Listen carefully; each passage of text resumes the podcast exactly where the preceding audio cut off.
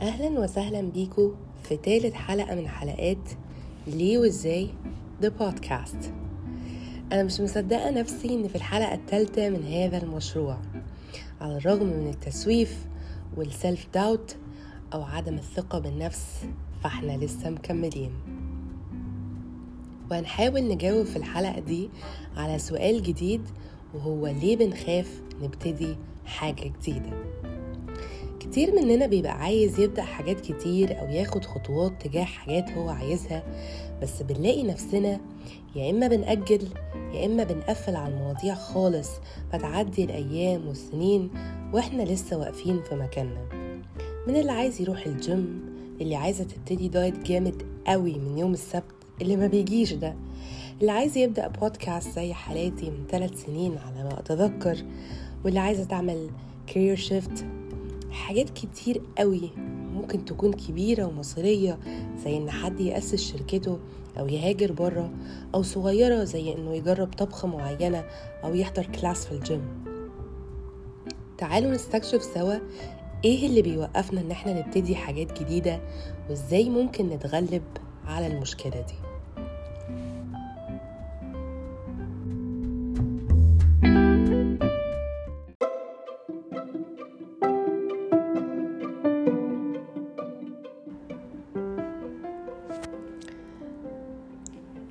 ركزنا في السؤال هنلاقي فيه الإجابة. ليه بنخاف نبتدي حاجات جديدة؟ الإجابة عشان بنبقى خايفين مش محتاجة حاجة يعني. في ارتكلز كتير بتتكلم عن الخوف من بدء أشياء جديدة بس أكتر اتنين عجبوني هما Fear of starting something new Four tips on what to do by ميلي خايف تبتدي حاجة جديدة أربع نصايح تعمل إيه. تاني article اسمه Facing Your Fears The Reasons You're Scared to Start. مواجهة مخاوفك الأسباب التي تخيفك من البدء by سكاري راسل إحنا بنخاف نبتدي حاجات جديدة. بس يا ترى ليه؟ تعالوا نشوف ال articles بتقول إيه. الكتاب بتوع الارتكلز لخصوا خوفنا في الأسباب دي.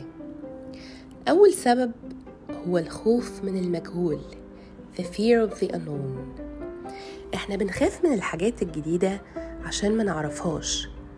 الخوف من تجربة حاجات جديدة اسمه نيوفوبيا خاصة لو كان الخوف ده غير مبرر ومستمر. الخوف شعور طبيعي وهو آلية دفاع بتحمينا من أي خطر محتمل. معظم الناس بتختبر الخوف من الأشياء الجديدة. وخاصة مع حاجة زي الأكل. في ناس كتير بتبقى مترددة تجرب حاجات ما كانتهاش قبل كده. بس لو إحنا في موقف خوفنا من الأطعمة الجديدة هيتسبب إن إحنا نموت من الجوع إذا هنا في مشكلة. بس عادة النيوفوبيا مش بتكون حادة وما بتأثرش على الناس بطريقة كبيرة يعني.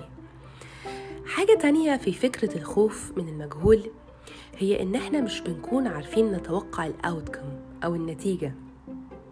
ومش بنكون عارفين ال risks أو المخاطر فبالتالي مش بنكون متخيلين ال rewards أو المكافآت. وده بالظبط اللي بيخلينا نفضل في الروتين بتاعنا لأنه أمان ومريح بالنسبة لنا. لذلك ناس كتير مكملة في شغلانات من تسعة لخمسة حتى لو هما ما بيحبوهاش لأنهم متعودين عليها ومش مضطرين يتعاملوا مع مخاطر العمل الحر أو أي وظائف تانية مختلفة.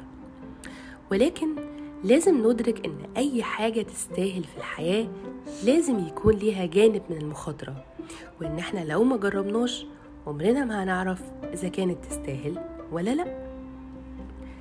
تاني سبب هو الخوف من الفشل fear of failing. الحاجات الجديدة دايما عندها احتمالية للفشل والفشل بيمثل خوف شديد لكتير من الناس. الخوف من الفشل بيطلق عليه يا رب أكون منطقة صح أتيكوفوبيا. وهو خوف شائع عند معظم الناس. في الغالب كلنا مرينا أو بنمر بيه. زي إن إحنا نيجي نجرب رياضة جديدة نفسنا نجربها أو نقدم على شغلانة نفسنا نشتغلها بس الخوف من الفشل يحجمنا ويخلينا ما ناخدش خطوة في الاتجاه اللي إحنا عايزينه. الحقيقة احتمالية الفشل ممكن تكون في أوقات كتيرة أكبر من احتمالية النجاح لأن النجاح بيحتاج شغل كتير ومجهود وساعات رغم التعب والمجهود برضو ممكن نفشل. في الحقيقة عشان ننجح محتاجين نكون مثابرين نقع ونقوم ونكمل مرة واتنين وألف. محتاجين استمرارية السعي عشان نضمن حتمية الوصول. نستمر في السعي كده حتى مع مع انعدام الرغبة. في الحقيقة الكاتبة ميلي بتقول إن إحنا كبشر بطبعنا كائنات مثابرة عشان إحنا بنفضل نحاول مهما كانت الظروف ضدنا وهي بتجد ده حاجة مثيرة للإعجاب. الكاتب سكوتي بقى بيقول إن كلمة فشل للأسف محفورة في دماغنا من وإحنا صغيرين بنقول على الأطفال فشلة عشان ما عدوش امتحان أو مادة معينة ولما يكبروا بنقول عليهم فاشلين عشان مروا بعلاقة ما نفعتش ولا جوازة ما كملتش. فبقينا كلنا بنحاول نتجنب لقب فاشل أو فاشلة زي ما بنحاول نتجنب ألقاب كتير المجتمع بيلصقها بينا أو بيطلقها علينا برضو الحقيقة إن إحنا لازم نبص للفشل بوجهة نظر تانية فيها إيجابية شوية لأنه لولا المحاولة والفشل ما كناش وصلنا نجاحات كتير في حياتنا أو عرفنا إحنا عايزين إيه أصلا. تالت سبب هو الخوف من putting yourself out there. وده معناه إن إحنا نكون منفتحين إن الناس تتعرف علينا وعلى مواهبنا. وده بيتطلب being vulnerable أو إن إحنا نكون عرضة للجرح أو الانتقاد. وده اللي ممكن يخلف عندنا شعور بالشيم أو العار. بعض العلماء بيقولوا إن الخوف من الفشل ملوش علاقة بالفشل نفسه وإنما بالإحراج أو العار اللي ممكن نحس بيه لما نفشل. عالم النفس جون أتكنسون اقترح الفكرة دي سنة 1957 وتم إثبات صحتها بدراسات كتير بعد كده. الخزي أو العار شعور مؤلم جدا حتى أكثر من مشاعر سلبية تانية ممكن تنتج عن الفشل زي الإحباط أو الغضب. معظمنا لو افتكر ذكرى مؤلمة تعرض فيها للإحراج بالتأكيد هتكون مؤلمة أكتر من غيرها. مشكلة الخوف من الإحراج أو ال shame بتخلي معظمنا يكون consumers مش producers يعني مستهلكين مش منتجين. 99% من الناس بتلاقيهم على تليفوناتهم بيعملوا browsing على ال social media ويتفرجوا على التلفزيون بيدوروا على content أو محتوى يملوا بيه دماغهم. وللأسف معظمه بيكون غير مفيد. الواحد في المية هم اللي بيلاقوا التحقق في خلق أشياء ذات قيمة ومشاركتها مع العالم. خليك من الواحد في المية وما تحرمش العالم من موهبتك عشان خايف تكون تحت الأضواء. رابع سبب هو الخوف من الالتزام أو fear of commitment. الخوف من الالتزام جملة بنسمعها دايما في العلاقات هو أو هي عندهم fear of commitment. فلما تيجي العلاقة تاخد شكل جدي بيخافوا ويهربوا في الحقيقة الخوف من الالتزام مش بس في العلاقات ولكن ممكن يكون تجاه أي حاجة تجاه شغلانة صداقة هدف حيوان أليف أو هواية. الخوف من الالتزام بيبقى نتيجة الإحساس بالمسؤولية تجاه الشيء اللي إحنا التزمنا بيه. وبالتالي بنحس إن إحنا ممكن نتحاسب على نتيجة الالتزام ده. الالتزام في الغالب بيتطلب مجهود عشان نحقق غاية معينة. ممكن يتطلب كمان تضحيات بتكون في أحيان كتير مش سهلة علينا. يعني مثلا اللي قرر يعتني بصحته ويروح الجيم فهو لازم يواظب على مواعيد معينة ويروح الجيم في أي طقس بقى صيف شتاء خريف ربيع. مطلوب منه يلتزم بأكل معين فهيضحي بأكلات بيحبها ويضحي بوقت كان هيتفرج فيه على التلفزيون أو ينام فيه. أكيد النتيجة الناس كتير تشترك في الجيم وما تروحش ولا مرة لحد ما العضوية تخلص. مع إنهم لو التزموا شوية هتبقى عادة وهيشوفوا التأثيرات الإيجابية الكتيرة على صحتهم الجسدية والعقلية وكمان النفسية.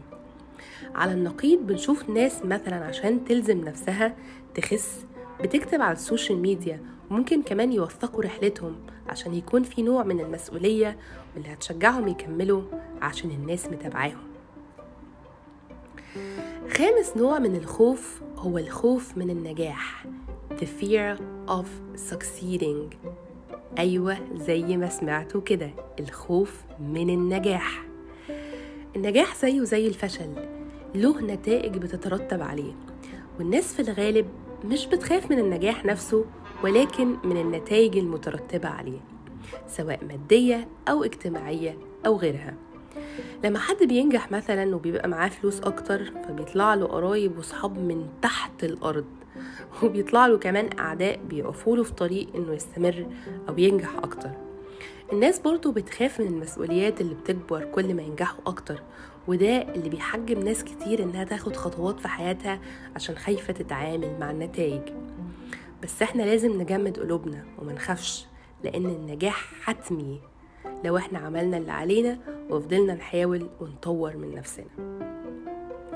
سادس نوع من الخوف هو الخوف من عدم المثالية The fear of not being perfect. الحقيقة إن كل ما زادت توقعات الشخص من نفسه كلما زاد خوفه. ده اللي بيخلي ناس كتير ما تبتديش في حاجة غير لما تبقى جاهزة مية في المية. عشان الحاجة تطلع مثالية ومفيهاش غلطة والحقيقة إن عمرنا ما هنبقى جاهزين مية في المية ولا في وقت مثالي ولا حاجة مثالية. وإنما الحقيقة هي إن practice makes perfect. يعني الممارسة هي اللي بتؤدي للإتقان. ده بالظبط اللي خلاني أجل أبتدي في البودكاست ثلاث سنين أو أكتر. لأ أصل أفكاري مش قد كده. أصل عايزة مايك عامل إزاي؟ ولا أصل ال editing معرفش يبقى إزاي؟ بس في الآخر استخدمت application على الموبايل من غير ولا مايك ولا حاجة واستخدمت مزيكا من على ال app برضو. أو مفيش editing تقريبا في سكتات طويلة في أحيانا وبتلخبط في كلمات أحيانا تانية. بس لولا المحاولات دي ما كنتش هعرف أنا كويسة أصلا ولا لأ. ما كنتش هبقى في الحلقة التالتة ولا كنت هعمل Facebook page بالمناسبة. like and share my page ليه وإزاي the podcast عشان تتابعوا الحلقات الجاية تشوفوا الحلقات اللي فاتت. الرسالة هنا إن إحنا لازم نوطى بال expectations ونعلى whatever happens happens. مش قصدي ما يبقاش عندنا توقعات ولكن تكون توقعات واقعية أكتر تزيد كل ما نحاول أكتر. بالظبط زي اللي بيتعلم يسوق عجلة. مش متوقع إنه يتعلم السواقة من غير ما يقع ويتعور ويقوم ويحاول يوزن نفسه مرة واتنين ومية لحد ما يتمكن ويمكن يبقى محترف ركوب عجل في يوم من الأيام ويخش سباقات حتى. كده إحنا خلصنا تقريبا أسباب الخوف. تعالوا نشوف إزاي ممكن نتغلب على الخوف ده وما نخليهوش يقف حاجز بينا وبين أحلامنا.